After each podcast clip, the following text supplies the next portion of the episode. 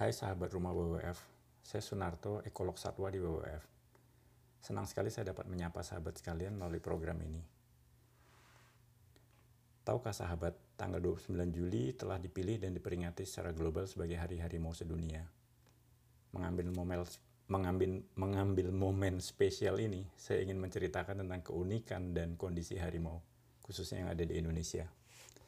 Di akhir saya akan jelaskan hal-hal yang perlu dan bisa kita lakukan bersama-sama untuk menjaga kelestarian harimau satwa kebanggaan kita ini. Sebelum saya cerita, saya ingin tanya, adakah sahabat yang pernah melihat harimau di alam? Sepertinya belum ada ya. Saya pun yang telah meneliti harimau sejak tahun 2004 baru dua kali melihat harimau di alam. Itu pun bukan di Sumatera, melainkan di India yang kondisi hutannya secara umum jauh lebih terbuka Harimau memang satwa elusif alias pemalu, terlebih di Sumatera. Mereka sangat pandai bersembunyi dan menyamarkan keberadaannya dengan alam di sekitarnya. Pola loreng hitam dan kuning keemasan di tubuhnya merupakan hasil seleksi dan adaptasi alam yang panjang di habitatnya. Dengan pola warna seperti itu, harimau sangat tersamar dan sulit dideteksi satwa mangsa yang diincarnya, khususnya di daerah bersemak dan berumput tinggi. Hebat ya karya alam yang satu ini.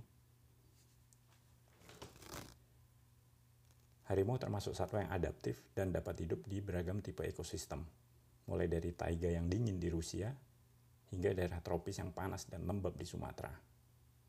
Mereka juga menghuni hutan pantai dan mangrove seperti yang ada di Indonesia, India, dan Bangladesh, hingga ke puncak pegunungan Himalaya di Bhutan. Meski demikian, harimau memiliki kebutuhan khusus dan tidak. Harimau sangat tergantung pada ketersediaan mangsa berukuran besar seperti babi, rusa, dan kijang.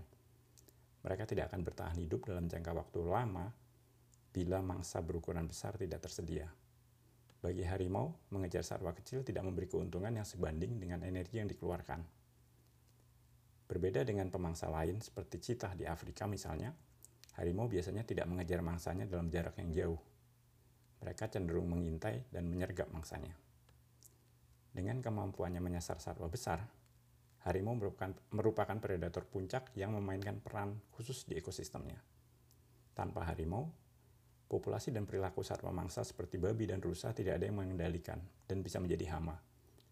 Hal itu dapat mengakibatkan terganggunya regenerasi hutan karena setiap semai dan anakan pohon yang tumbuh akan langsung dikonsumsi oleh mereka. Jadi, keberadaan predator puncak seperti harimau sungai ekosistem bukan manfaat hutan itu apa saja.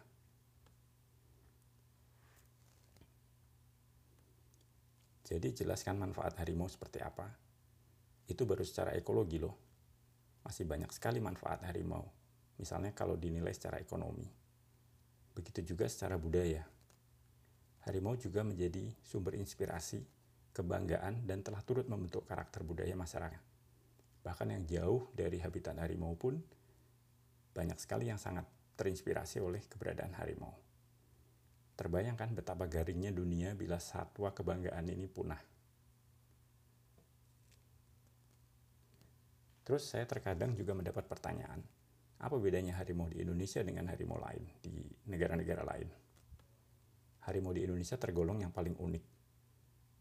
Itu sudah berkali-kali dibuktikan melalui berbagai riset ilmiah baik secara genetik, morfologis, atau wujud ciri-ciri tubuhnya, maupun sifat-sifat ekologinya.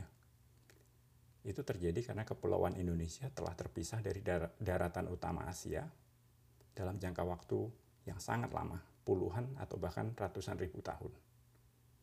Harimau di Indonesia juga dikenal sebagai harimau pulau. Dulu pernah ada di Bali, Jawa, dan sekarang tinggal ada di Sumatera. Tidak ada negara lain yang memiliki harimau seperti itu. Nah, bagaimana kondisi harimau saat ini? Adakah teman-teman yang tahu? Secara umum, kondisi harimau masih terancam kepunahan dan dalam kondisi genting. Harimau Sumatera bahkan kondisinya kritis, lebih parah dari genting, hanya selangkah dari punah di alam. Ancaman utamanya adalah perburuan liar yang didorong oleh perdagangan gelap bagian-bagian tubuh satwa tersebut. Selain itu, harimau juga terancam oleh konversi hutan menjadi kawasan budidaya.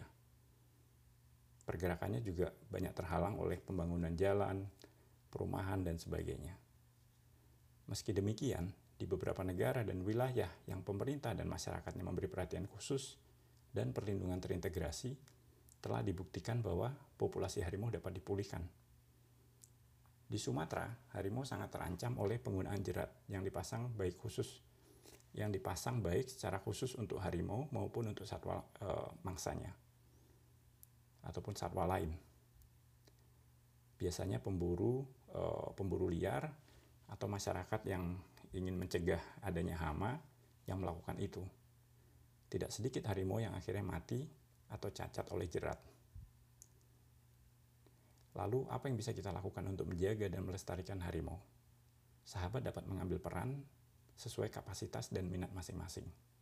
Setidaknya kita dapat menyebarkan informasi, misalnya melalui akun sosial media kita, tentang peran penting harimau agar masyarakat Indonesia semakin kuat rasa bangga dan kepeduliannya.